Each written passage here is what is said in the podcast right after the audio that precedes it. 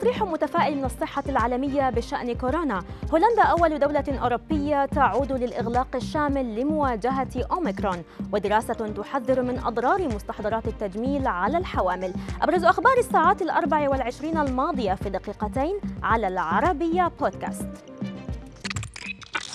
أعرب مايكل راين المدير التنفيذي لبرنامج الطوارئ في منظمة الصحة العالمية عن تفاؤله مؤكدا أن البشرية ستغير مسارها وتتخذ التدابير اللازمة لكبح جماح فيروس كورونا وذلك بعد عامين تقريبا على بدء تفشي الجائحة.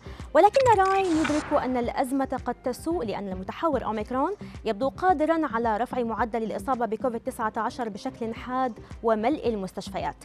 وفي حين أنه من غير المرجح أن يختفي فيروس سارس كوف 2 يعتقد راين أنه قد يصبح مجرد فيروس مزمن, مزمن آخر مثل الإنفلونزا. أعلنت هولندا تنفيذ إغلاق صارم خلال فترة أعياد الميلاد إذ ستغلق المتاجر غير الأساسية وصالات الألعاب الرياضية ومحلات تصفيف الشعر والأماكن العامة الأخرى حتى منتصف يناير المقبل. وقال رئيس الوزراء الهولندي مارك روتي إن هذه الإجراءات لا مفر منها وسط مخاوف بشأن تفشي متحور أوميكرون. وقبلت هذه الإجراءات باستياء شعبي بالتزامن مع عطلة أعياد الميلاد. دقت دراسة جديدة ناقوس الخطر بعد أن رصدت تأثير استخدام بعض منتجات العناية الشخصية أثناء الحمل على مستويات الهرمونات بين النساء الحوامل.